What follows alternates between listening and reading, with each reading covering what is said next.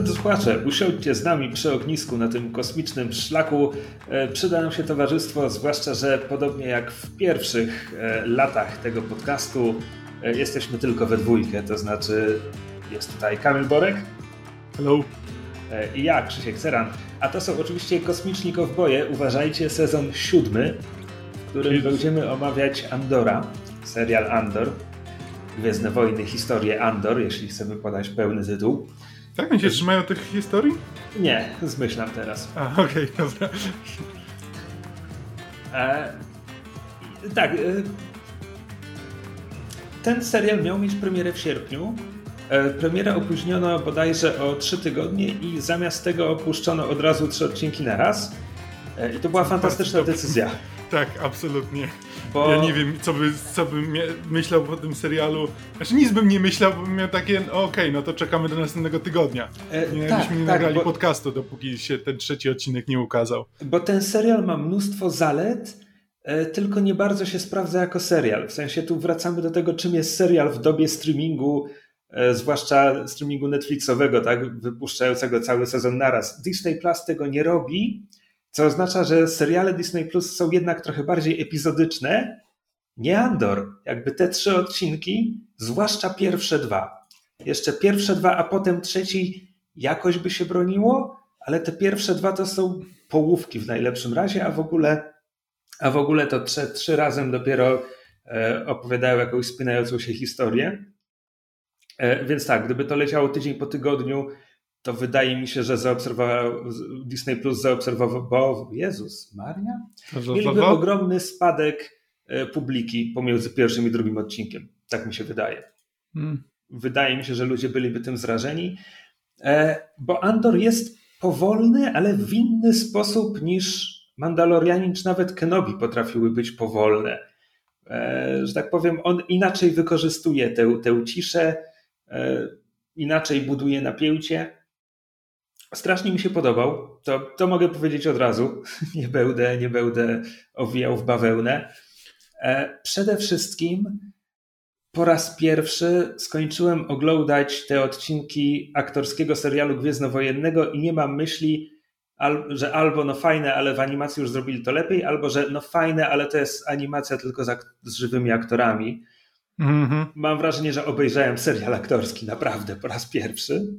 Znaczy, ja też miałem takie, taką myśl na zasadzie, że e, nie chcę podbudowywać swoich oczekiwań, ponieważ pamiętam ten moment, kiedy filmy Marvela zaczęły to chyba pierwszy ten, że e, Winter Soldier i Civil War, e, kiedy zaczęło się tak mówić, że o, filmy Marvela zaczynają wchodzić w kino gatunkowe. I e, i takie było oczekiwanie, że, że okej, okay, to teraz te kolejne filmy będą miały trochę inne charaktery, po czym one zaczęły z powrotem jakby skręcać w masę Marvelową e, z odrobiną jakichś wpływów innych gatunków, ale właśnie oglądając tego Andora miałem takie, że to, to jest właśnie to, na co liczyłem po serialach gwiezdnowojennych, że to nie będzie więcej Gwiezdnych Wojen, tylko nowe historie, jakby co, rozszerzanie świata, coś, czego jeszcze nie widziałem do tej pory w głównym nurcie. Podejrzewam, że ludzie czytający książki być może widzieli podobne historie, bo zakładam, że w książkach różne rzeczy się działy, których, na które by nie pozwolono w, e, w serialach czy w filmach które, nad którymi się sprawuje dużo więcej kontroli, ale tak, tutaj było... Nie, jakby książki gwiezdnowojenne w swojej masie to jest, to jest jednak przede wszystkim przygodowa space opera i po prostu nie, tego się trzymamy. Ale podejrzewam, że mimo wszystko dałoby się znaleźć komiks albo książkę, która właśnie jest bardziej taką czymś innym. Były, były książki i zwłaszcza, nie, zwłaszcza książki, które wchodziły bardziej w to militarne sci-fi, że przedstawiały jakby tak, Gwiezdne Wojny, bitwa dobra ze złem, ale, ale ile tutaj mamy szwadronów, jak to wpływa na naszą kampanię, jeśli stracimy tyle maszyn w tej bitwie i tak dalej. E, I to jest jakby taki główny, nazwałbym, nurt e, w książkach, mm. wyłamujący się po prostu ze space opery o tym, jak dobro zwycięża ze złem. E, jest kilka tam, wiesz, że niby robią jakieś hajsty, bo jakieś pojedyncze rzeczy się znajdą, Ale nie, jednak masa, w swojej masie to, to jest przede wszystkim powielanie filmów. Ja mam jeszcze pytanie, znaczy takie do ciebie, bo pamiętam, że jak rozmawialiśmy po trailerze do Andora i cię zapytałem właśnie, właściwie czego się spodziewasz po, po Andorze, bo jakby ty byłeś zdecydowanie bardziej napalony po trailerze no, na ten serial niż ja. po zwiastunach, tak. Tak, e, i powiedziałeś, że chcesz po prostu więcej Rogue One. I jestem ciekaw właśnie w jaki sposób to oczekiwanie e, Andor spełnił, nie spełnił? Znaczy, na razie spełnia pod względem tego, jak prezentuje nam samego bohatera. E, Andor debiutuje w Rogue One.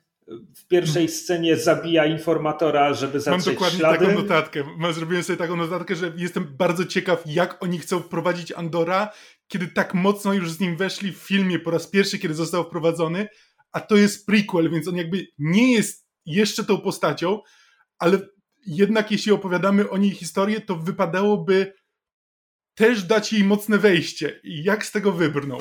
I dostaje bardzo mocne wejście. Mhm. Znowu padają trupy. Przepraszam, coś zacząłem harkotać. Ale, ale w zupełnie inny sposób, jakby zupełnie inne emocje tam grają na twarzy. E, nie, więc jakby pod względem prowadzenia postaci jestem usatysfakcjonowany. Nie jestem przekonany do e, retrospekcji z dzieciństwa.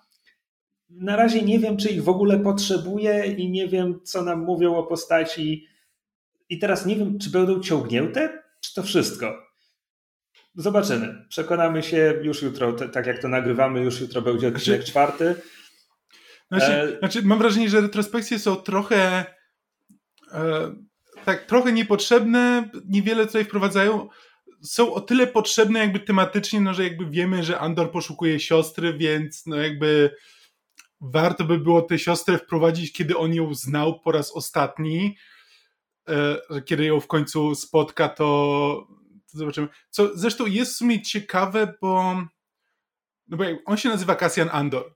Andor nie jest jego nazwiskiem, nie? to nie jest, on się w ogóle nie nazywał Cassian, tylko Kasa więc zakładam, Cassian Andor jest przybranym, przybranym nazwiskiem. Nie wiem, czy Andor jest e, imieniem jego przybranej ciotki, matki, babki, jego, jest. Jego przybrana matka nazywa się Marwa, ale, e, ale nie, nie pada nazwisko. Tak, właśnie dlatego to, to, też miałem taką myśl, że jakby te wszystkie seriale z, z y, Gwiezdnych Wojen i jakby te historie dodatkowe, no to tam mamy Solo, y, Asoka, y, no, The Mandalorian, wszystko jakby jest wokół jednej postaci. Andor też jest jakby o jednej postaci, przy czym Andor jest nazwiskiem, które nie jest jego de facto. Więc tak naprawdę to, co, to, co znaczy Andor w tym serialu, może mieć jeszcze wiele różnych znaczeń. Nie wiem, czy będę miał zamiar w to wchodzić absolutnie. Po prostu miałem taka, taką myśl. E, ale dobra, bo Co? tak zaczynamy mówić trochę o serialu, tak, zanim doszliśmy do trochę, tego. Trochę oficjalnie, bo jeszcze nie jesteśmy z serialem na ty, więc e, oficjalnie e, serial Andor jest robiony przez Tonego Gilroya. On jest showrunnerem i głównym scenarzystą, aczkolwiek nie jedynym. Chyba. Tony Gilroy, Tony Gilroy był scenarzystą Łotra 1 i e, tajemnicą Poliszynela jest, że odpowiada za ostateczny kształt tego filmu. To znaczy, tam w pewnym momencie reżyser, to był bodajże Gareth Edwards, tak. e, został. To nie było wyrażone, że został odsunięty. Nie, hmm. tak, nie tak jak ci goście od Lego Movie zostali odsunięci od Solo czy coś takiego. No ale Tony Gilroy robił dokrętki do Łotra 1 i zdaje się, że ostateczny montaż tego filmu, ostateczny szlif, czy jak chcemy to nazwać, e, to jest jego dzieło. Znaczy przede wszystkim Gareth Edwards chyba wciąż funkcjonował w kredytach jako reżyser. No, przy solo, tak. przy solo zmienili reżysera i jakby Ron Howard był, y, był nawet jakby podpisany pod tym filmem. Tak, i tak jakby kręcił go od nowa pod pewnymi względami. Nie, nie, więc jakby Rogue One jest filmem Garetha Edwardsa jak najbardziej, ale Tony Gilroy miał bardzo tak, dużą tak. rolę w jego powstawaniu, zwłaszcza na ostatniej prostej. E, więc on jest, on jest tutaj scenarzystą i showrunnerem. E, reżyseruje to Toby Haynes, który wyreżyserował te trzy odcinki i wyreżyseruje, już to zrobił, tak, jeszcze ich nie zobaczyliśmy, trzy ostatnie odcinki tego sezonu. Hmm. E, a jest reżyserem absolutnie telewizyjnym. Jak patrzę na, na, jego, na jego dorobek, to on wyreżyserował całego Jonathana Strange'a i pana Norella dla, dla BBC, a poza tym ma pojedyncze odcinki Doktora Who, Wallandera, Sherlocka, hmm. tego typu rzeczy. Jakby telewizja tylko i wyłącznie. I to w dodatku brytyjska, a ten serial bardzo, nawet bardziej niż jakby do tej pory Gwiezdne Wojny jest. E, praktycznie mógłby być, można by było akcję przesunąć po prostu na północ, e, północ Wielkiej Brytanii i niewiele by się zmieniło. Sheffield. Tak. E, tak. E, czy chcemy, chyba nie będziemy omawiać go scena po scenie, czy tylko pokrótce powiemy, co się dzieje w tych trzech odcinkach? E, jasne. E, bo jak wiemy, czasem słuchają nas e, ludzie, którzy nie, nie obejrzeli serialu. Jeśli, drodzy słuchacze, słuchaczki, osoby słuchające, jeśli nie widzieliście Andora, polecamy. Jakby naprawdę hmm. warto to zobaczyć, bo samo powiedzenie, usłyszenie, co tam się dzieje, nie oddaje wszystkich Właśnie, zalet to, to, to, właśnie nawet chciałem powiedzieć, że teoretycznie jakby polecamy obejrzeć, ale to nie jest taka sytuacja, w której macie wyłączyć ten podcast i obejrzeć i dopiero wtedy możecie posłuchać, bo tak naprawdę możecie posłuchać, a potem obejrzeć, bo spoilery tutaj nie mają takiego wielkiego znaczenia. Jakby tak, tak jak się powiedział, to nie. Te, ten serial nie stoi do końca fabułą. To jest mimo wszystko chodzi bardziej o postacie, o napięcie. E, jakby oferuje dużo więcej, więc to nie jest tak, że jeśli poznacie fabułę, to, eh, to, to reszty nie ma w sumie po co, po co oglądać, co mógłbym powiedzieć o Kenobim w pewnym stopniu, na pewno. A na pewno o Boba Fecie czy większości Mandalorianina. Tak. E, tak, więc e, serial zaczyna się 5 lat przed bitwą o Jawin, o czym informuje nas literkami na ekranie, czego Gwiezdne Wojny nigdy nie mhm. robiły, mm. bo pojawia się i tego nie wyjaśnia. W sensie albo to wiesz, albo nie masz no pojęcia, tak. co ekran do ciebie mówi, bo na ekranie pojawia się pięć BBY. BBY to skrót od Before Battle of Yavin, przed bitwą o Jawinem, co jest tym podziałem czasu gwiezdnowojennego używanego w fandomie, a potem oficjalnie już w książkach też jakby każda książka ma na początku linię czasową, na której rozmieszcza tam co ważniejsze tytuły. E, I to jest właśnie ta nomenklatura przed i po bitwą o Jawin, czyli przed i po Nową Nadzieją. To nie funkcjonuje w uniwersum Gwiezdnych Wojen. Mhm. Oni nie mają tego kalendarza, więc to jest informacja tylko dla nas, widzów, ale nie jest wyjaśniona, jakby nie polecieli pełnym tekstem i to mnie tak strasznie śmieszy, no bo jakby, że tak powiem, niedzielny widz to zobaczy i ma 5 BBY i takie, okej, okay, to są współrzędne tej planety, o czym mówimy. Zatem e, Właśnie teraz nie pamiętam, czy w, czy w scenach z flashbackami mamy powiedziane, mamy nie. podany rok. No właśnie. Nie. Właśnie wiesz, miałem takie, że okej, okay, no jakby nie podają tego, ale jeśli się domyślisz, że chodzi o rok, to jak później zobaczysz jakby wiesz, nie wiem w jakim okresie czasu będzie się dział serial, ale jeśli będą sceny z przeszłości, czy będziemy mieli jakiś przeskok czasu, no to przynajmniej tu masz 5 BBY, a później będziesz miał, wiesz, 1 BBY, 10 BBY, to przynajmniej możesz to sobie jakoś. Ale przynajmniej w tych trzech odcinkach wszystko się dzieje 5 BBY, poza e, flashbackami, które nie są podpisane, nie wiemy kiedy się dzieją. Tak, i zresztą my to wiemy, bo twórcy już powiedzieli, że cały ten sezon będzie się toczył w obrębie tego jednego roku, a, a. drugi sezon Andora y, pokryje kolejne 4 lata. Czyli w drugim okay. sezonie faktycznie będziemy odliczać do, do no, do no okay. jeden w zasadzie. Więc tak, na 5 lat przed bitwą o Jawin Cassian Andor przylatuje na przemysłową planetę Morlana 1, e, która szybko się dowiemy jest e, znaczy, tutaj nie pada stwierdzenie e, sektor korporacyjny, ale zakładam, że to do tego piją twórcy. Nie, jest mowa o tym, że to jest korporacyjna planeta, ale chyba nie pada corporate sector nigdzie. Jest w pewnym momencie na pewno Morlana Corporate Zone. Mam to w notatkach. Okej, okay, właśnie, czyli jest strefa korporacyjna, tak.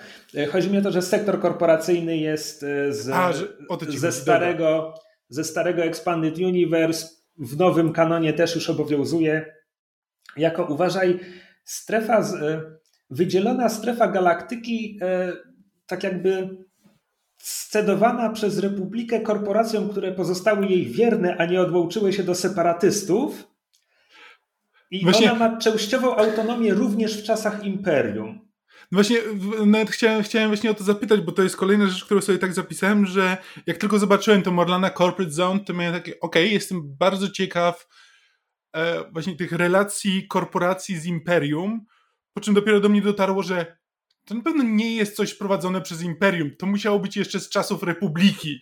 E, I Dokład, dokładnie tak jest. Co zresztą to rzutuje, jeszcze nie wprowadziliśmy tych postaci, ale to rzutuje nam na Karna i, i Moska, on się bodajże tak nazywa, bo oni są w zasadzie takimi, wiesz, ochroniarzami z galerii handlowej, którzy mają tak. bardzo zawyżone mniemanie o sobie i o tym, co robią.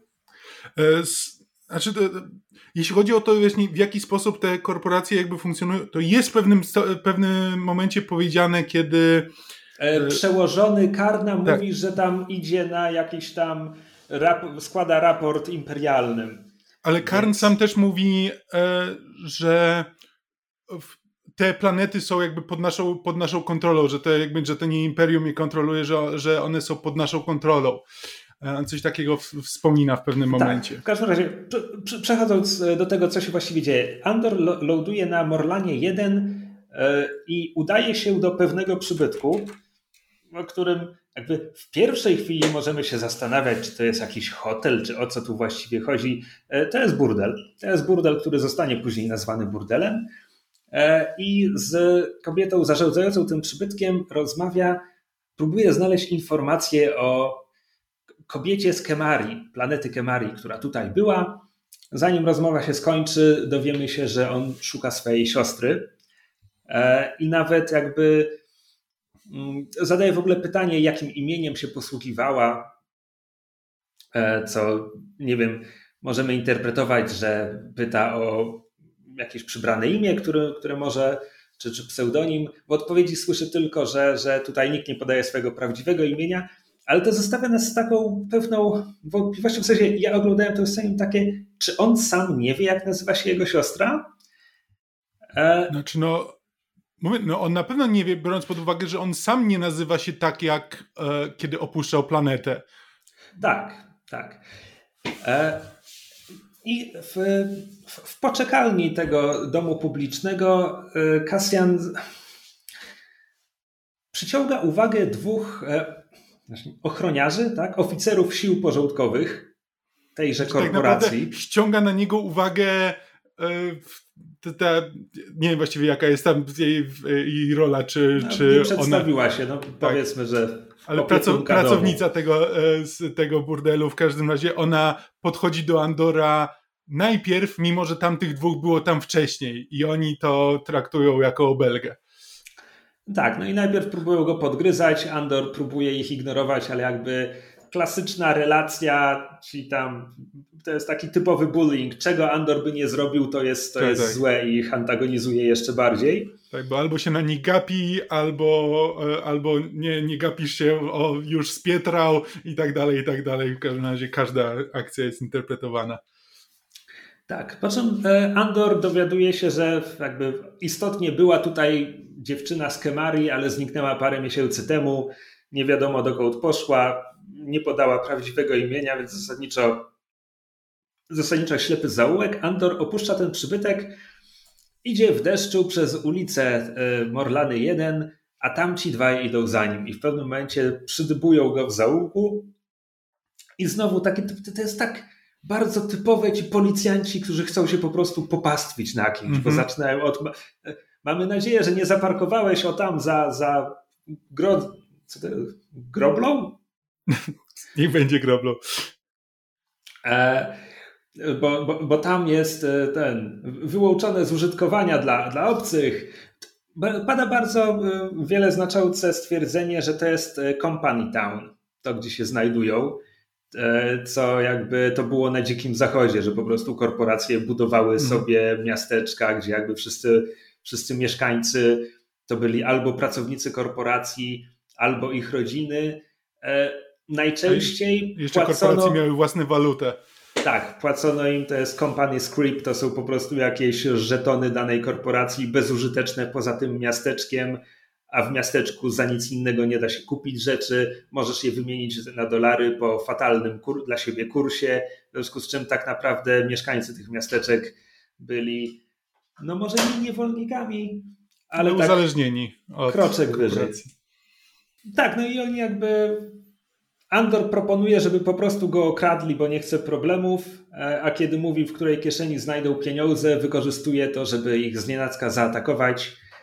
E, wali jednego Tak. Od, odwija się, żeby go głową uderzyć w nos, popycha go na ścianę, zabiera mu broń e, i mierzy z niej do drugiego, mówiąc mu, no podnieś swojego kumpla i spadajcie, a tamten klełka i mówi, ale on nie żyje. I scena się nagle kompletnie zmienia, bo mm. jakby to było takie typowe, bohater jakby wymyka się z problemów, a tu nagle jest trup, który nie miał paść. Tak, i nawet zmienia się kompletnie postawa tego, tego, który przeżył, bo on natychmiast zaczyna rozumieć, że stał się świadkiem.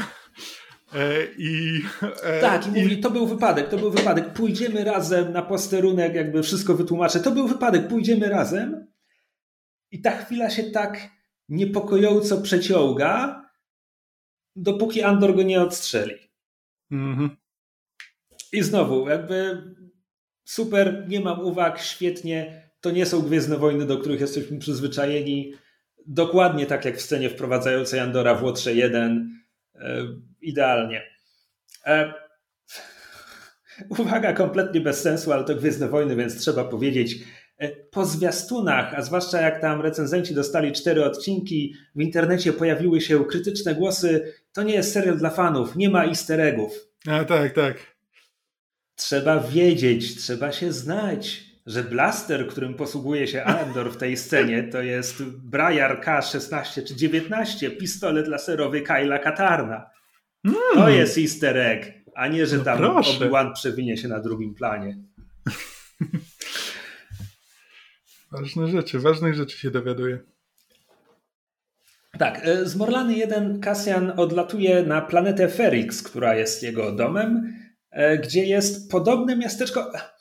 Ta planeta zostaje określona, że to jest wolna planeta, czy wolne miasto, ale ewidentnie też pod, nie wiem, protektoratem tej korporacji. E, I tam wszyscy zajmują się rozmontowywaniem e, statków kosmicznych. To jest takie kosmiczne złomowisko. I on tam próbuje zatrzeć ślady, to znaczy E, znajduje swojego przyjaciela Braso i mówi mu, że hej, gdyby kto pytał, to, to piliśmy wczoraj i to też jest bardzo ładna scena, w której ten jego przyjaciel najpierw orientuje się w jak poważnych opałach jest Andor, a potem jakby sam podejmuje historię i dodaje własne szczegóły, żeby, żeby była bardziej wiarygodna. Mhm. E, poznajemy też uroczego droida, który na pewno będzie e, na półkach w sklepach z zabawkami przed świętami. Znaczy ja w ogóle, moja notatka, jak się po raz pierwszy przechodzimy na Ferix, bo e, jak nam pokazują Ferix po raz pierwszy, to widzimy właśnie wielkie złomowisko i droida Bituimo, co jest mottem Evanescence, który jedzie przez złomowisko i miałem tak, że z moment miałem takie, czy, czy, czy Disney Plus mi przeskoczył na Walliego w tym momencie na moment.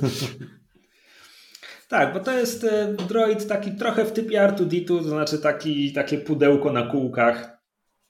E, jego unikalną cechą jest to, że on się tak może trochę bardziej schować w sobie. To jest takim jakby trochę, nie wiem jak to nazwać, akordeon skrzyżowany z pancernikiem.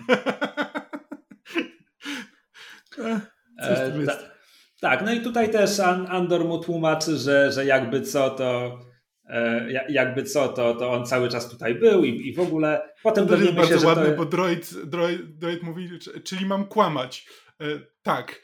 E, Okej, okay, mam na to wystarczająco dużo energii. E, no, Andor tam jeszcze dodaje jedną informację. To już są dwa kłamstwa. Będę musiał się doładować. e, tak. E, potem jakby dowiemy się konkretniej, że to jest e, droid przybranej matki Andora Marwy. Ta, ta postać pojawi się nam później. E, a Cassian tymczasem idzie do swojego kontaktu, do pani Bix, B-I-X. Bix pisane przez X. To jest ten problem, kiedy robisz uniwersum sci-fi od ponad 40 lat, liczba głosek jest ograniczona więc Bix przez X jest inną postacią niż Bix przez 2G i S, który był przyjacielem Luka Skywalkera. no tak. E, I Bix, jego przyjaciółka, jest, e, jest mechaniczką, ale jest również e, paserką. I Cassian prosi ją, żeby skontaktowała się ze swoim nabywcą, który, który tradycyjnie jest zainteresowany towarami w typie tego, co ma Andor, ale że konkretniej Aha, że ona się z nim kontaktuje raz na miesiąc, ale Andorowi zależy na czasie i kasie, więc przekonuje ją, żeby skontaktowała się z nim teraz. No i mówi, że ma coś bardzo super, hipercennego. E, na co zresztą tamta się obraża, bo kiedy on w końcu mówi, że chodzi o jednostkę nawigacyjną Starpath N9, coś tam, gdzieś tam, e, to, to Bix jest urażona, że jakby czemu wcześniej o tym nie powiedziałeś, jakby zachomikowałeś ją dla siebie, ma, ma wrażenie, że chciał ją oszukać czy coś takiego, ale ostatecznie Kasjan Kasjanowi no udaje się ją przekonać. E, zawiesiłem głos, bo próbowałem sobie przypomnieć, czy scena na złomowisku ze statkiem była tutaj, czy w następnym odcinku. E, moim zdaniem w tym odcinku zaraz, zaraz, zaraz po tym. E, zaraz po tym. Okej, okay, tak, czyli prosto od Bix. Prosto od Bix Kasjan pójdzie na złom, znaczy złomowisko, lądowisko, gdzie jest statek, którym przyleciał z Morlany 1 i to jest ewidentnie statek, który po prostu jest tutaj znaczy, nie należy do niego. To, to jest puenta. Mhm. E, I ten parking, czy komis używanych statków, czy cokolwiek to jest, jest pilnowany przez gościa, który z kosmicznymi psami tutaj się przechadza. I to też jest kumpel Kasjana. I więc Kasjan do niego mówi: Hej, słuchaj, jakby co to. Jakby. I, i to jest bardzo ładnie pokazane, bo to jest któraś kolejna scena, gdy Kasjan rozmawia ze swoimi przyjaciółmi czy znajomymi, i oni wszyscy są nim zmęczeni. Jakby cokolwiek mm. on robi, te wszystkie przysługi, które może być winien, te wszystkie hej, ale my się przyjaźnimy i w ogóle to jest wszystko na wyczerpaniu. Tak, cokolwiek tak, tak. robił, nie wiadomo od jak dawna. Oni wszyscy go lubią, ale chcieliby, żeby przestał. Tak, on po prostu już od tak długiego czasu jakby przesadza i cały czas naciąga, że już powoli kończy mu się szczęście i no i zresztą to jest ten moment, w którym jakby on zdaje sobie sprawę, że no musi wylecieć, no bo to, to jest to, co wynika ze sceny z Bix. To jest to, że on tę część trzymał na czarną godzinę. Na zasadzie, że kiedy będzie musiał kompletnie znaleźć sobie nowe życie i jakoś za to zapłacić, to dopiero wtedy opchnie tę część po to, żeby mieć kasę na y, wylecenie z planety, znalezienie sobie nowego miejsca i tak dalej, i tak dalej. Tak, jeszcze, jeszcze w warsztacie Bix poznaliśmy jeszcze jednego bohatera tego dramatu, nowego chłopaka Bix, e, Tima, przez 2M, mm. bo to Gwiezdne Wojny i Kosmos. Tak jest. E, I e, Tim przez 2M nie wie, że Bix jest paserką, więc nie wie, nie wie czemu Cassian z nią tak gada na boku, ale za moment zacznie zazdrościć. Mhm. I też od razu wyczuwa, że Bix próbuje coś przed nim ukryć, więc oczywiście od razu zakłada, że musi chodzić o coś. Znaczy, tak, chodzi o coś z Kasjanem, ale Timowi się wydaje, że chodzi o coś innego, e, więc zacznie ją bezskutecznie śledzić. E, I co? I Bix pójdzie do innego warsztatu, gdzie powie hasło, dzięki czemu zostanie wpuszczona do komina i jak się wespnie w pół drogi do tego komina, to tam jest ukryty nadajnik, którym e, skontaktuje się ze swoim nabywcą. E, czy Kasjan robi jeszcze coś ciekawego w tym odcinku? Chyba nie. E, więc jeszcze wracamy na Morlane 1, gdzie jest przepiękna scena, w której poznajemy oficera bezpieczeństwa Cyrila Karna, mm. który składa raport swojemu przełożonemu, jakby jest pełen, pełen takiego słusznego gniewu i rwie się do działania, że dwóch oficerów na służbie zamordowanych, a jego oficer, wąsaty tak jak ludzie w Gwiezdnych Wojnach są wąsaci właściwie tylko w Nowej Nadziei i Łotrze 1, podsumowuje to w tak piękny sposób, że ja chciałbym to zacytować, ale sobie tego nie wypisałem, ale, ale to jest litania w rodzaju, więc dwóch naszych oficerów było e, w burdelu, który, którego nie powinno być w tym mieście, na służbie, więc nie powinni tam być, gdzie pili trunek, na który nie powinno ich stać, po, po czym zginęli w jakiś tam sposób i instruuje Karda, jakby pogrzeb tę sprawę, e, powiedz, że zginęli na służbie, nie żeby robili coś wyjątkowo bohaterskiego, nie chcemy przyciągać uwagi. Nie chcemy żadnej parady. Nie chcemy żadnej parady, tak, tak, dokładnie to powiedział. To jest pięknie napisana rozmowa, coś tak. cudownego. Tak, jakby widać po Cyrilu przez całą tę rozmowę, że on po prostu tego nie rozumie. nie rozumie, jak można tak podejść, przecież, przecież tu, tutaj musi się sprawiedliwość stać. Jak to tak? To jest w ogóle śmieszne, bo w każdym innym filmie postać Cyrilla jest bohaterem. Tak, on ma rację. Jakby tak, Andor zamordował tych dwóch typów, jak najbardziej. Tak. To jest po prostu, to jest ten detektyw, który po prostu wbrew temu, że jego przełożeni mówią mu nie, zostaw to, nie ma sensu w to wchodzić, tylko przyciągniesz więcej problemów, on nie potrafi tego zostawić, więc musi prowadzić swoje dochodzenie.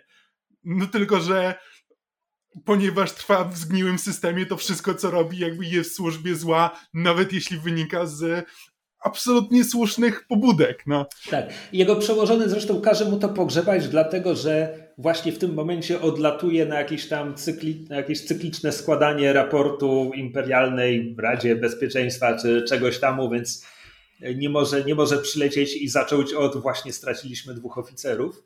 Mhm. E, ale jednocześnie Karn jest jego zastępcą, co oznacza, że ponieważ jego przełożony odlatuje, Karn ma wolną rękę i może robić co chce i będzie prowadził to śledztwo zaraz w następnym odcinku. Tak, i jeszcze nawet właśnie to się, on się, to jest chyba ta postać, o ile dobrze kojarzy, on się nazywa sierżant Kostek, apparently. Jeśli to, jest, jeśli to jest ta postać, chyba że teraz mylę coś z IMDb. Czekaj, który, który to Kostek? E, no ten, ten, który jakby służy jako jego podoficer. E, to on się nazywa Mosk, tak ma na Mosk. nazwisko. To najwidoczniej patrzę źle na IMDb, to, bo po prostu jest aktor, który wygląda bardzo podobnie w takim razie. E, to, no tak, ale to w każdym razie ten Mosk, on rozmawiając z Moskiem właśnie tłumaczy te swoje racje na zasadzie, że właśnie tutaj musi się, że, że sprawiedliwości musi się stać zadość, e, że nie prowadzenie dochodzenia byłoby zaniedbaniem obowiązków i ten jego podoficer tak jakby podjudza w tym, na zasadzie, że tak, absolutnie ma pan rację i to, że to jest, e, bardzo się cieszy, że, że, że tak pan myśli. I tak przez cały czas się zastanawiałem, czy, czy, czy ten jego podoficer gra tutaj w jakąś grę, czy on chce, czy on próbuje go w coś wciągnąć, ale mam wrażenie z tych pozostałych odcinków, że nie, on autentycznie też tak samo w to wierzy, tak jak i e, ten, e, Kern, tak?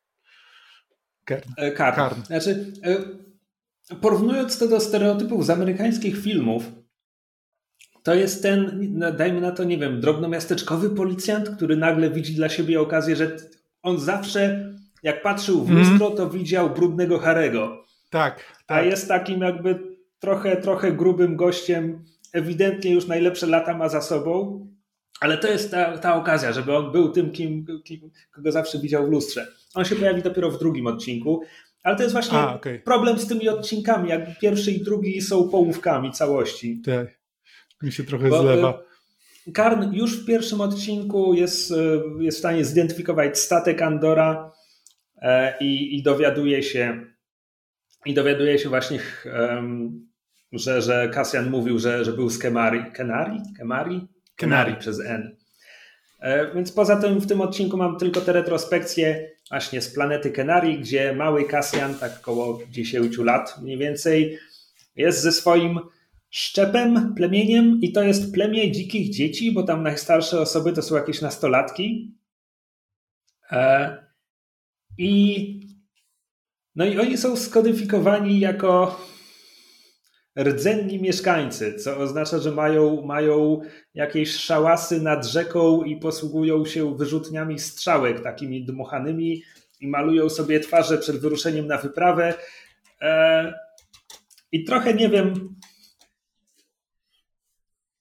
Chciałbym, żeby w science fiction istniał inny sposób na pokazanie, że to jest pierwotna kultura, niż robienie z nich po prostu rdzennych Amerykan, zwłaszcza, że to absolutnie nie są rdzenni Amerykanie, jeśli mówimy o aktorach. E, znaczy to bardziej, bardziej są e, rdzenne plemiona, nie wiem, Majów czy z e, czy jakby Ameryki Południowej. Ameryki Południowej, no niech, niech, znaczy najbardziej, wiesz, wiesz kim oni są najbardziej? Najbardziej to oni są zagubionymi chłopcami z Piotrusia Pana, ponieważ mm. tu nie ma żadnych dorosłych, nie wiemy czemu. No w każdym razie Hmm. Aha, i oni wszyscy mówią e, między sobą w języku Kenari, który nie jest podpisany, co jest bardzo ciekawym zabiegiem. E, myślę, że słusznym, bo wątpię, żeby te dialogi miał, między nimi był, jakby wychodziły hmm. poza to, czego się spodziewamy po takiej scenie. W każdym razie e, z tych e, pozbawionych dialogów, które widz może zrozumieć, scen wyłapujemy, że Andor w tym momencie zwany jeszcze Kassa czuje, czuje, że jest już starszy niż plemię go uznaje, bo on się tak jakby wpycha, żeby wziąć udział w wyprawie, chcę powiedzieć, łowieckiej. Oni tam najpierw widzą statek, Zumiarzy. który przecina niebo, niebo tak, e, więc chcą go chyba potem znaleźć.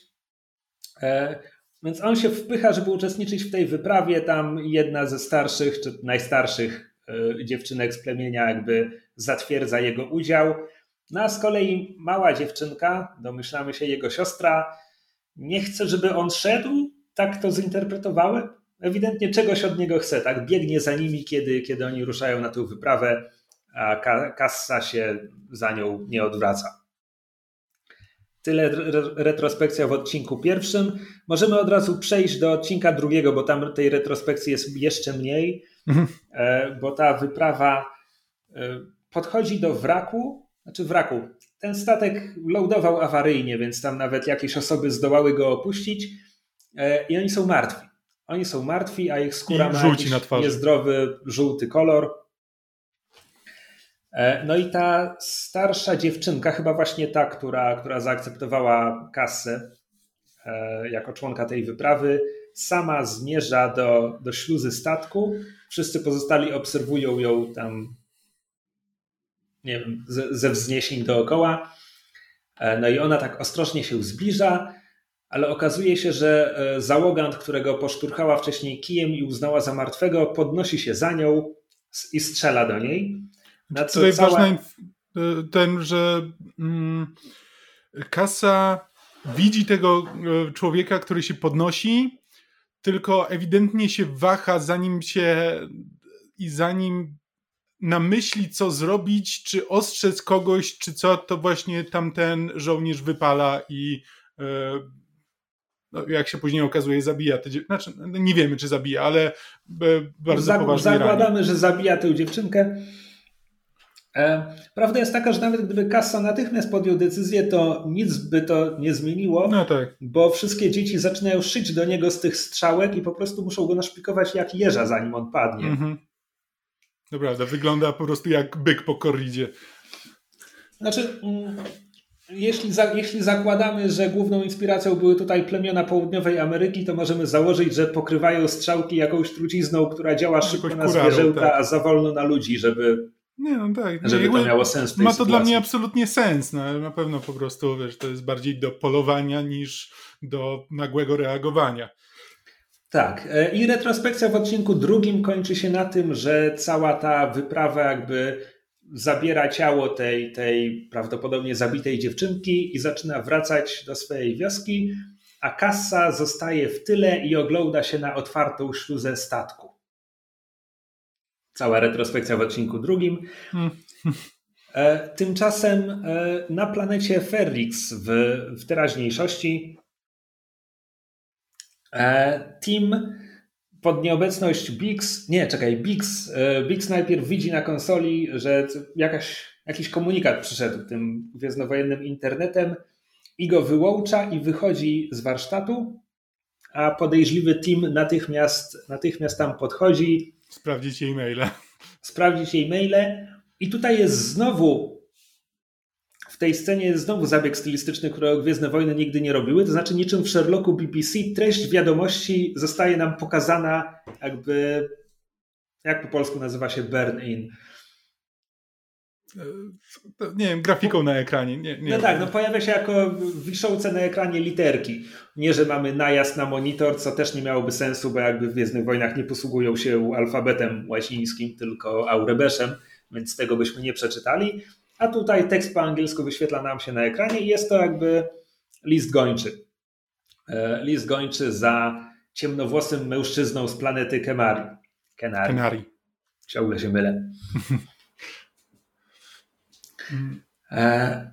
No i nawet później się okazuje, chwilę, chwilę potem się też okazuje, że no te, jakby cała planeta dostała, jakby wszyscy, wszyscy wiedzą, bo w, bo nawet ta przybrana matka Andora właśnie, jak tylko on wraca do domu, to, e, to no, na początku tak e, spokojnie jakby pyta, gdzie był, co robił i tak dalej. Andor próbuje ją zbyć, e, no ale ona każe Bituimo przeczytać właśnie tę wiadomość i natychmiast zaczyna go wypytywać, kto wie, że jesteś z Kenari, komu powiedziałeś. Tak, a Cassian tak mówi, no, no ludziom. tak. Jeszcze, jeszcze w dodatku tam Marwa mówi, że pewnie swoim dziewczynom, że i zaczyna wymieniać po kolei jego dziewczyny, a potem jeszcze daje, że jeszcze pewnie kilka, o których nie wiem. E, I to jest, to jest ciekawe, bo w tej wyliczance nie ma Bix, a jednocześnie następna scena Kasjana z Bix, tam ewidentnie jest sugestia, że oni kiedyś byli razem. No tak. E, więc Tim ma powody być podejrzliwy, tak? No, wciąż nie kibicujemy zaborczemu chłopakowi, e, ale to tym bardziej jakby utwierdza, e, utwierdza te decyzje, które on podejmuje. No bo jedną z decyzji, które podejmie w tym odcinku jest zgłoszenie Kasjana korporacji. Mm -hmm z budki telefonicznej, prawda? On wchodzi do budki telefonicznej, żeby to tak. zrobić. To jest zresztą strasznie mi się podobało, bo on właśnie podchodzi do budki, a są dwie budki koło siebie, przy drugiej jakiś kosmita z kimś rozmawia i natychmiast jak, e, jak tylko podchodzi e, Tim do niego, to odwraca się plecami i zaczyna mówić trochę, trochę ciszej, bo nikt przy budce telefonicznej nie, nie wykonuje telefonu do mamy. To są zawsze jakieś szemrane sprawy. E, tak. E, no i te sceny, e, te sceny są w ogóle przybrana matka Kasjana, tak? Marwa. W drugim odcinku poznajemy ją jako starszą panią, która porusza się o, o lasce, nie, nie opuszcza domu, w sensie nie widzimy jej nigdy poza tym ich domem, co jest pod, podbudówką pod takie drobne, nie wiem, zaskoczenie czy kontrast, pod, kiedy, kiedy w odcinku trzecim dowiemy się, kim była wcześniej. Hmm. E, I to wszystko jest e, przeplatane scenami, gdy e, do Gwiezdnych Wojen przylatuje Stellan Skarsgård w roli Lutena Raela. I jak się możemy domyślić, a jak się dowiemy na 100% z następnego odcinka, to jest tajemniczy nabywca Bix. Mhm. Który Bix nawet mówi jakby na początku odcinka, że on dzisiaj ma przyjechać. No tak, tak. E, I on przylatuje swoim statkiem, który wygląda jak jakaś funkielnówka sztuka. Jak na Uniwersum Gwiezdnych Wojen e, są tam takie wizualne, że tak powiem, jakby to nazwać, rzeczy, które mają sugerować, że jest to coś nowoczesnego. Mhm. E, od choćby on rozmawia ze swoim statkiem, który ma tam jakiś komputer pokładowy czy coś takiego. Te, jakiś tam jest jakiś. To nawet w napisach było popisane, tylko nie zapisałem sobie, bo to jakoś. Ja Fenris razu mod czy coś? E, Fondor. Fondor, właśnie. E, Fondor mod. E, Fondor jest planetą w Gwiezdnych Wojnach znaną ze swoich ogromnych stoczni. Ha, okej. Okay. E, tak. No i on e, ląduje daleko od, e, nie tylko daleko od miasta, ale nawet kilka kilometrów od miejsca, z którego można złapać prom do miasta. I potem kolejne jego sceny z tego odcinka to jest jak leci tym promem, który jest po prostu gwiezdnowojennym tramwajem. Tak, on wygląda dokładnie jak tramwaje z dwudziestolecia międzywojennego. E, I tam też mamy takie urocze sceny, gdy przysiada się do niego współpasażer, który jest takim starszym panem w meloniku i on bardzo chce porozmawiać ze współpasażerem i to jest znowu, to jest kli z jednej strony to jest klisza z filmów, z drugiej strony to jest typ osoby, który spotykamy na ulicach, w pociągach i tak dalej. Tak, ale on też wygląda jak taki starszy pan z dwudziestolecia międzywojennego. Dokładnie. Dokładnie taki, który by się przysiadł do ciebie, złożył gazetę i zaczął rozmawiać o tym, co tam w polityce. E, tak, I, i on zresztą też z, teksty, którymi on rzuca, to są właśnie takie z, z rodzaju, ach, pamiętam jak tutaj 20 lat temu e. coś tam gdzieś tam. E, I to jest cały wątek Lutena w tym odcinku. E, właśnie te odcinki tak mi się zlewają w jedno, że ja nawet nie pamiętam, czy jest tutaj jeszcze jakaś konkretna scena, o której warto wspomnieć. Znaczy, no, nie, bo tak naprawdę no, tutaj się wcześniej odbywają to, co, to, o czym ja już wspomniałem, czyli rozmowa Karna z tym jego podoficerem. E, tak, który, który to podoficer jakby jest bardzo zajarany tym, że jako obowiązkowi e, służbiści i tak dalej powinni zareagować i że to jest karygodne, że, że nic nie zostało zrobione. E, nie do końca rozumiem ich relacje. Jakby Karn jest zastępcą tego wąsatego, który poleciał, ale to jakby mózg przedstawia mu ten oddział. I dlatego nie wiem, czy to jest tak, że Karn jakby zgadał się z mózgiem, który jest z jakiegoś innego, nazwijmy to, pionu tych, tych służb ochronnych, czy chodzi o to, że Karn jest oficerem, więc on nie zna szeregowych żołnierzy i dlatego Moskwu mówi, to jest tam elita elit. Znaczy tak, no bo Mosk jest, znaczy w ogóle właśnie, bo na IMDB ja patrzyłem na dobrego aktora i na dobrą postać, tylko on na IMDB jest podpisany jako sierżant Kostek, przecinek sierżant Linus Mosk. Ja nie wiem, czy sierżant Kostek to jest jakiś sierżant kosmita, którego też gra ten aktor, czy co? Nie jestem pewien, o co tutaj chodzi. E, w dialogach ale... jakby z Karnem wydaje mi się, że, to, że on jest moskiem, więc e, może tak, ten Kostek to, to, to jest tak jakaś rola, więc... może to jest jakiś głos, który tylko słyszymy z interkomu w pewnym momencie.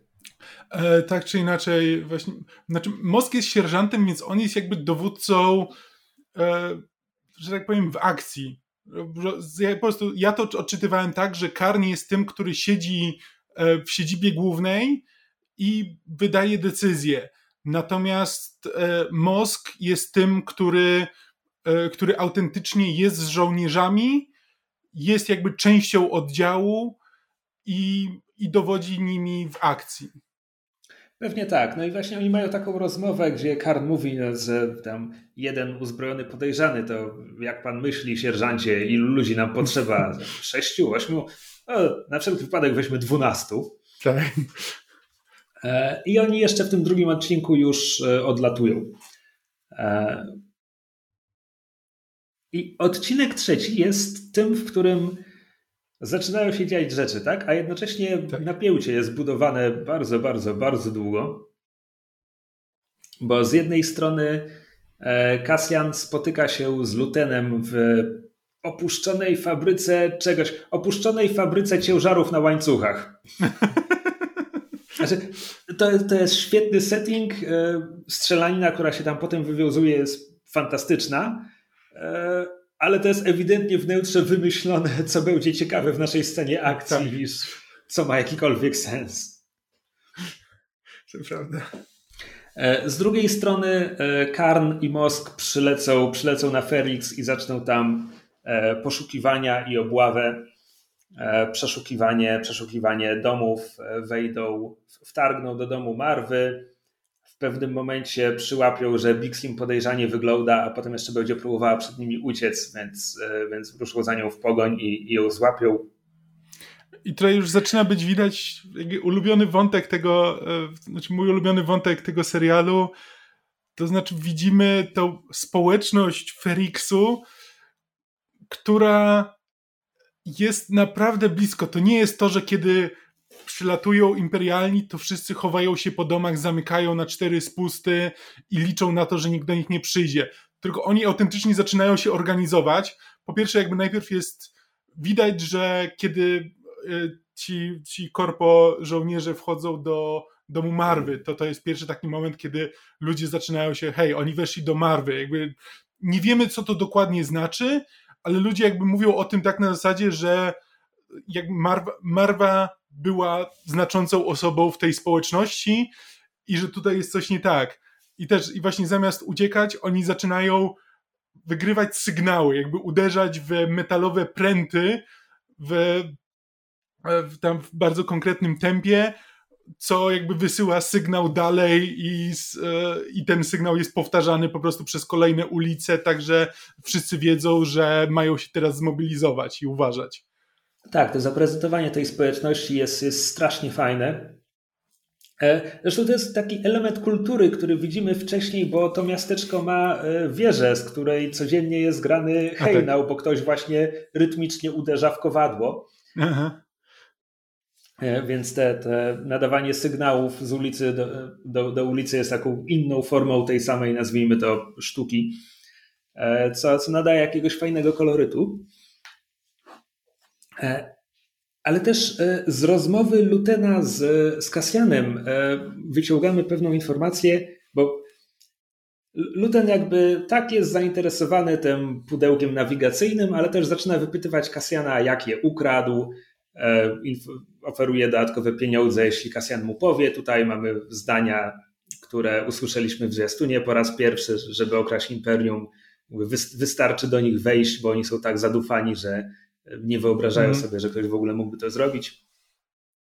E, I, szybko jest, się... Mnie też, kiedy Kasjan to mówi, to to jest to, na co E, Luten czekał. Znaczy, to jest właśnie to, że Luten jakby przyznaje mu rację e, i wtedy on nigdy oficjalnie nie mówi, że jest e, jakkolwiek powiązany z rebelią, ale jakby to jest ten moment, w którym przestaje udawać kupca po prostu, tylko autentycznie jakby zaczyna mówić, że, że tak, że oni są arogancy i jeszcze w dodatku proponuje mu, czy chcesz dołączyć się do prawdziwej walki.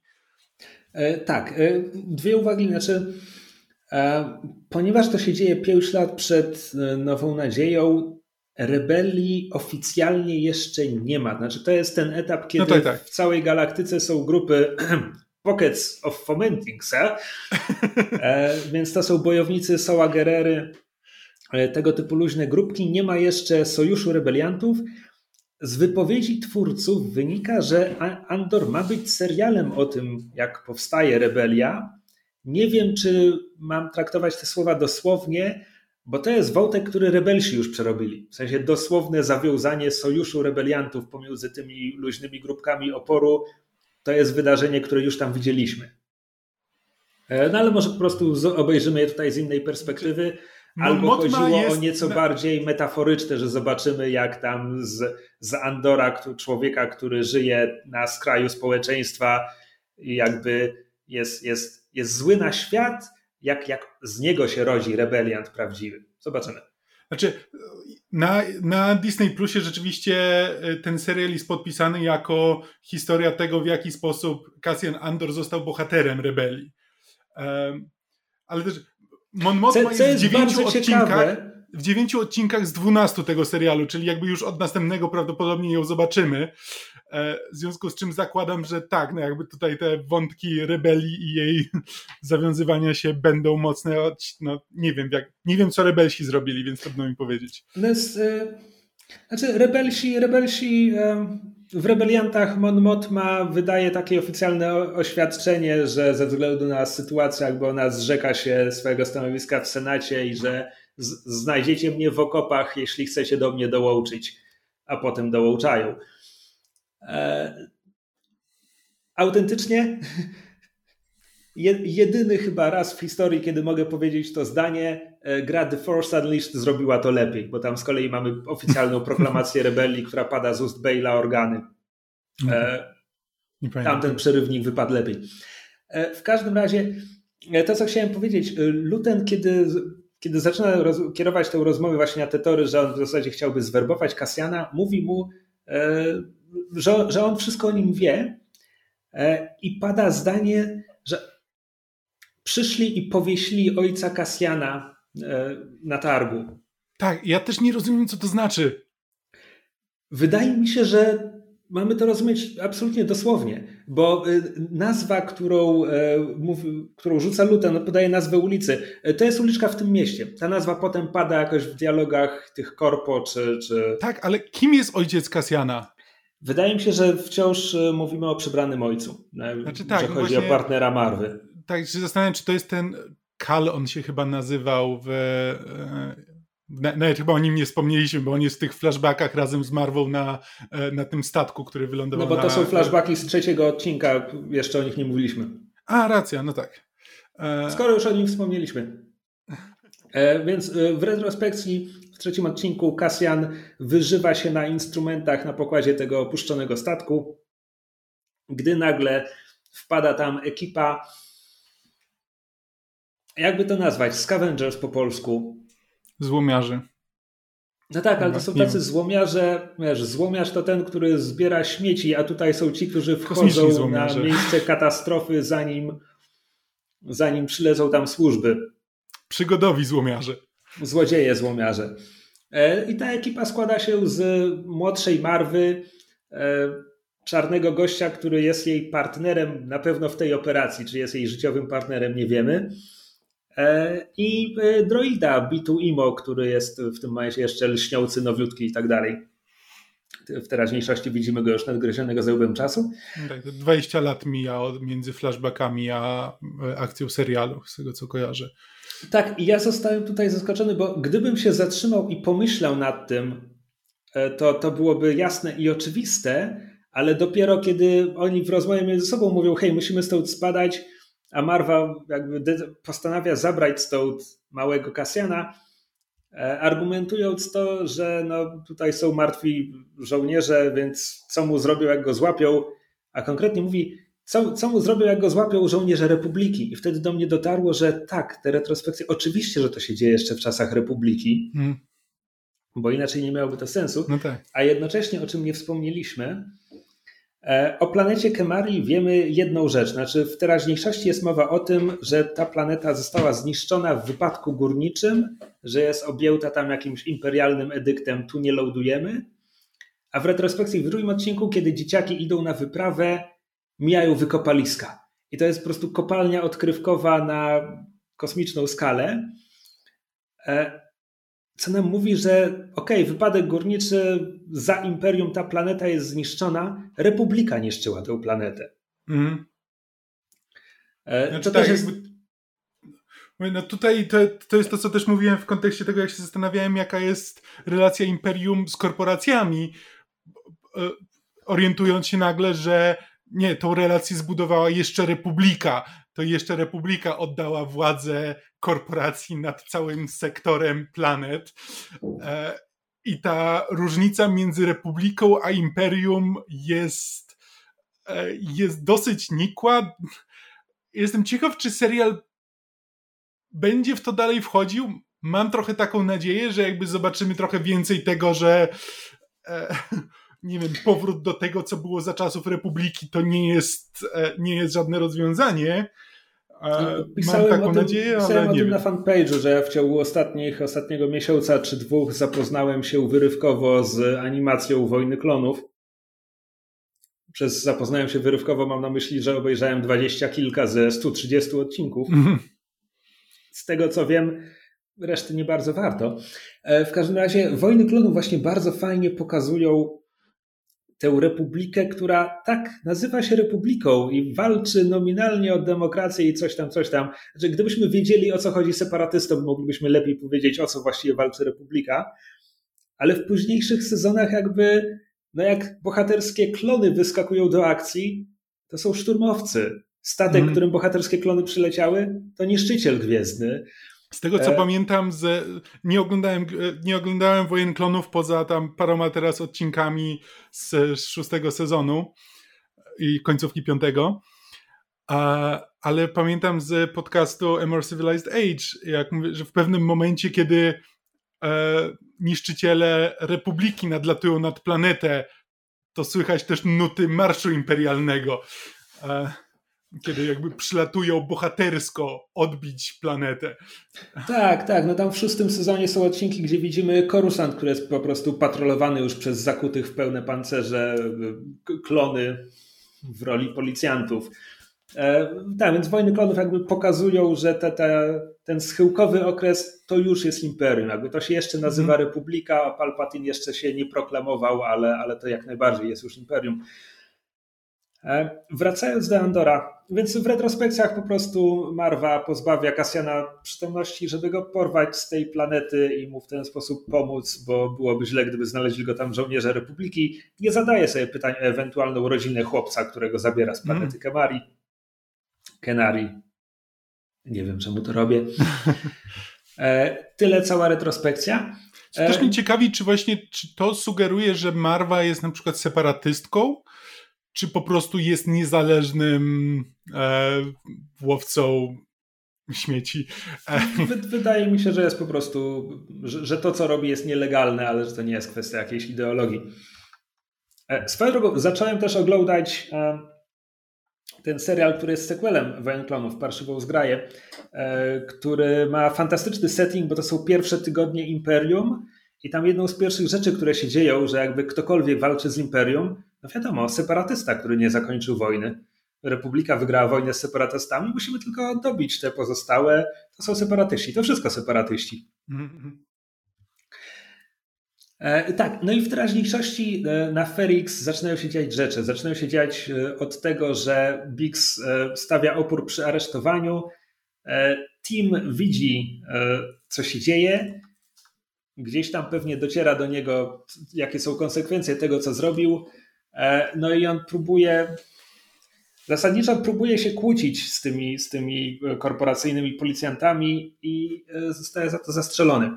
Znaczy, to jest, bo w pewnym momencie zaczyna biec w stronę Bix, która ponieważ jest e, przetrzymywana przez żołnierzy w tym momencie, to znaczy, że zaczyna biec w stronę żołnierzy, w związku z czym mówię żołnierzy, ale to są, to są policjanci. To są policjanci, więc standardowo, biorąc pod uwagę, że to amerykański serial, wiadomo, że nagranie z bodycamu się zgubi, ale wszyscy zaraportują, że był uzbrojony.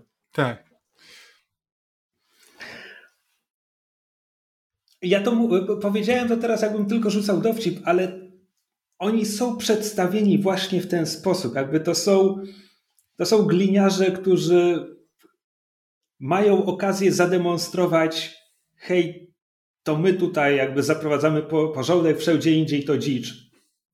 E, I jak, jak, najbardziej mamy tutaj te tropy. No mówiłem o Mosku, tak, który jest tym, zawsze chciał pokazać, jakim twardym jest gliniarzem i teraz mhm. wreszcie dostał, dostał okazję. Aczkolwiek jest tutaj jakiś element dyscypliny, bo oficer, który oddał ten strzał, zostaje karnie odesłany na statek, że ma, ma obserwować sytuację z no, powietrza. Tak, ale to jest takie typowe, e, no zabiłeś człowieka, to za karę masz dwa tygodnie płatnego urlopu. Coś takiego, tak. E, jednocześnie zaczyna się strzelanina w fabryce gdzie spotkanie Kasjana i Lutena zostaje przerwane przez policjantów, którzy w końcu go namierzyli, e, bo Kasjan zostawił swój e, comlink e, droidowi i próbował się z nim porozumieć. Droid był w domu Marwy. Kiedy policjanci byli w domu Marwy, policjanci mieli urządzenie namierzające i w ten sposób, w ten sposób ich nakryli. Luten zresztą, kiedy się orientują, że zostali znalezieni E, ładnie łaje za to Andora, mówiąc mu tam pierwsza zasada, nigdy e, no, nie, nie korzystaj z niczego, czego nie kontrolujesz. E, zabiera mu komlink, rozwala go. Po czym mówi, druga zasada, zawsze, zawsze miej wyjście z sytuacji, bo okazuje się, że zaminował wejście wchodząc. Znaczy on, mówi, do, on mówi dosłownie, twórz sobie wyjście, kiedy wchodzisz. E, tak, zaminował wejście, więc może teraz wysadzić tę pierwszą falę policjantów. Tam za nim jest druga fala policjantów. W strzelaninie e, te ciężary na łańcuchach, które wiszą pod sufitem, zaczynają spadać, więc robi się z tego taki poziom, poziom platformówki. E, oczywiście gubią pudełko, oczywiście Kasjan próbuje po nie wrócić, pomimo tego, że Luten mu mówi, żeby je zostawił. Ostatecznie. No właśnie, on nie w końcu łapie, czy nie? Nie, nie. Ostatecznie, ostatecznie y, wychodzą stamtąd z niczym. Tak? Hmm. E, jednocześnie, jednocześnie ten karnie odesłany oficer startuje ze złomowiska, żeby ocenić sytuację. Jest tutaj bardzo ładna scena, bo my tak naprawdę. Tam jest taki dialog i ci wszyscy policjanci są zaniepokojeni tymi sygnałami, tym metalicznym uderzaniem mieszkańców Ferix. I mamy monolog Marwy, która mówi, -hmm. że E, tak, to działa na nerwy, prawda? Ale najgorzej jest, kiedy się urwie. No i oczywiście dźwięki się urywają. I ja myślałem, zwłaszcza, że w zwiastunach były sceny zamieszek na tych ulicach. Ja myślałem, że to faktycznie dojdzie do starcia mieszkańców z policjantami. Najwyraźniej jeszcze do tego wrócimy w serialu.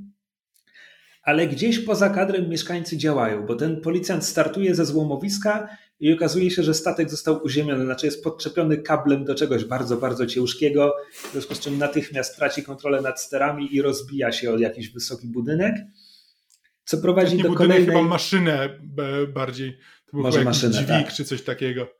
Co prowadzi do kolejnej pięknej sceny, kiedy stojący na dachu Mosk, który pilnuje tam ulicy, o której wiedzą, że Andor będzie tędy uciekał, ogląda się za siebie i mówi, jesteśmy otoczeni, to jest oblężenie.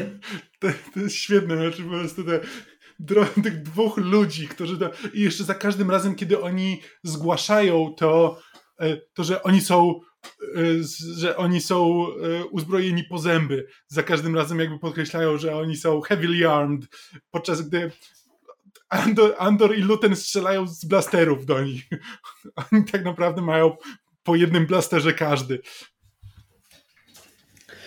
Tak, no i e, Andor i Luten wymknęli się jakimś, e, jakimś tunelem, znaleźli sobie maszynę, którą mogą uciec do, do statku Lutena. No i jest, jest scena, gdy śmigacz e, opuszcza, opuszcza garaż, ci wszyscy policjanci byli na niego gotowi, więc tam strzelają, żeby go powstrzymać. Śmigacz się zatrzymuje, no i wszyscy się tego spodziewamy, kiedy tamci podchodzą, żeby aresztować pilotów. Śmigacz wybucha, bo był zaminowany, bo to była tylko zmyłka, a Luten i Andor e, odlatują e, skuterem. E, I, I w tej scenie znowu kamera koncentruje się na karnie. Na mhm. karnie. Kiedy mówię, kiedy mówię, że obejrzawszy te trzy odcinki Andora, miałem wrażenie, że tak, w końcu obejrzałem serial aktorski, a nie animację z żywymi aktorami. Mam na myśli między innymi to, że tutaj twórcy wiedzą, że hej, mamy żywych aktorów, oni grają, więc pozwólmy im grać. I nie chodzi tylko o dialogi, ale przede wszystkim chodzi o ciszę, o grę mm. mimiką i ekspresją, bo mamy długie zbliżenie na Karna, który zawiódł kompletnie, który chciał się wykazać, który chciał jakby, on nawet nie chciał się wykazać, on po prostu czuł słuszność swojej sprawy mm. i zawiódł tak kompletnie.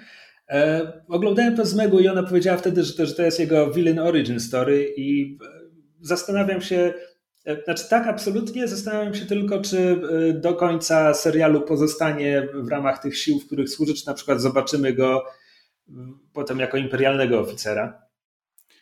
Znaczy, nie zdziwiłbym się, szczególnie biorąc pod uwagę, jak wyglądają mundury tych, e, tych policjantów, bo one są, e, są już podobne do tych imperialnych. Jeszcze jest taki wątek, bo ten przełożony Karna w pewnym momencie zauważa i pyta go, czy zmodyfikowałeś swój, swój mundur. I on jakby tak przyznaje, że no tam parę, parę poprawek wykonał. I ten jego mundur autentycznie wygląda jak imperialny i się zastanawiam, czy on ma takie ciągoty właśnie biorąc pod uwagę jego ciągotę do porządku za wszelką cenę, czy właśnie go ciągnie do imperium i jakby stąd, stąd ta jego pozycja. Ale też jakby podoba mi się, że autentycznie pokazują w tym serialu reakcję na śmierć. Jakby to nie jest bohaterska akcja bohaterów, e, którzy, z, no, którzy się wywinęli z sytuacji, tylko właśnie zostajemy, zostajemy z Karnem, który, do którego dociera, że no, e, jego działania doprowadziły do śmierci ludzi, no ale na pewno jakby w jego mniemaniu to jest wszystko wina, e, wina tych złych e, wichrzycieli. Tak. No i co? E, policjanci się wycofują, Biggs zostaje uwolniona przez tych znajomych, znajomych z miasta. E, nie pamiętam konkretnie, kto po nią przychodzi, no ale postaci, które już, już widzieliśmy właśnie jako znajomych Andora. E, Luten odlatuje z Andorem i to jest właśnie przecinane scenami z retrospekcji, gdy Marwa z porwanym kasą odlatuje, odlatuje z, z jego rodzinnej planety. W obu tych wypadkach słońce prześwieca przez owiewkę, podkreślając piękną twarz Kasjana. E, I na tym kończy się odcinek trzeci. E, I co ja mogę powiedzieć? Jest, jest super. Jakby jeśli reszta tego serialu utrzyma ten, ten poziom, będę zachwycony. Mhm. Nie, naprawdę, zwłaszcza ten trzeci odcinek. Jakby te pierwsze dwa bardzo mi się podobały, przy czym one były tylko podbudówką. Jakby bez trzeciego odcinka one by z, e, no one by po prostu spaliły na panewce. To by była duża podbudowa do niczego, w związku z czym to by, to by było pozbawione jakiegokolwiek sensu.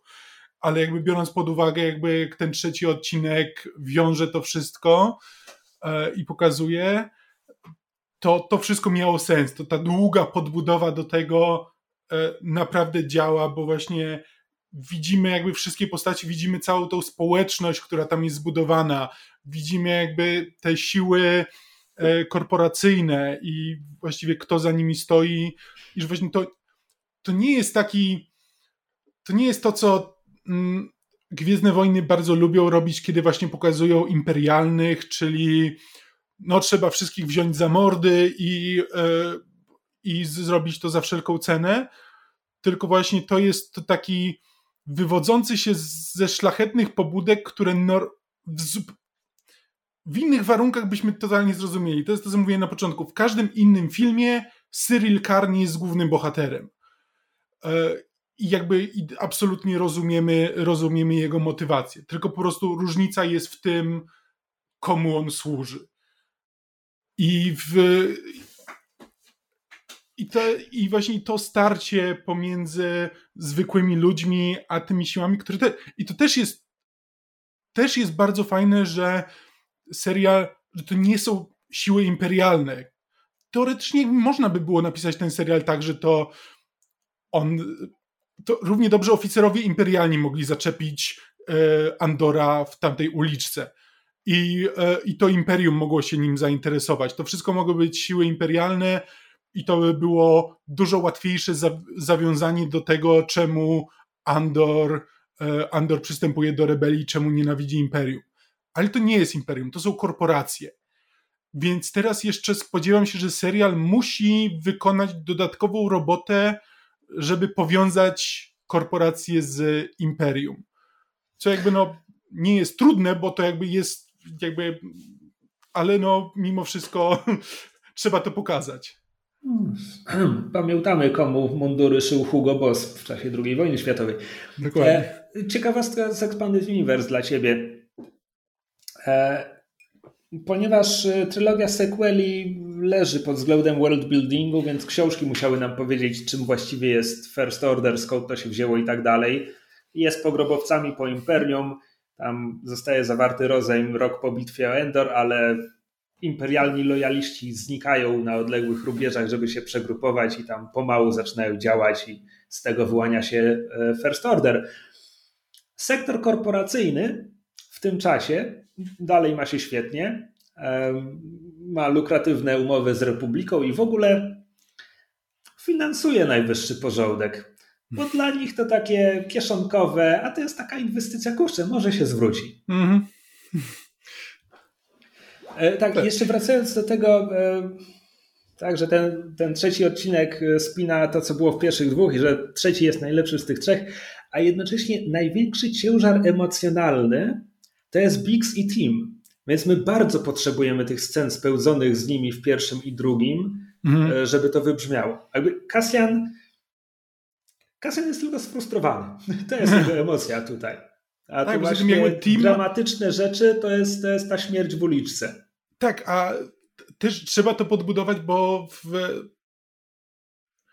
Tim jest zasadniczo negatywną postacią. Jest jakby zawisnym chłopakiem, który e, wydaje de facto znajomego e, jakby siłą, e, no siłą porządkową, tak to nazwijmy.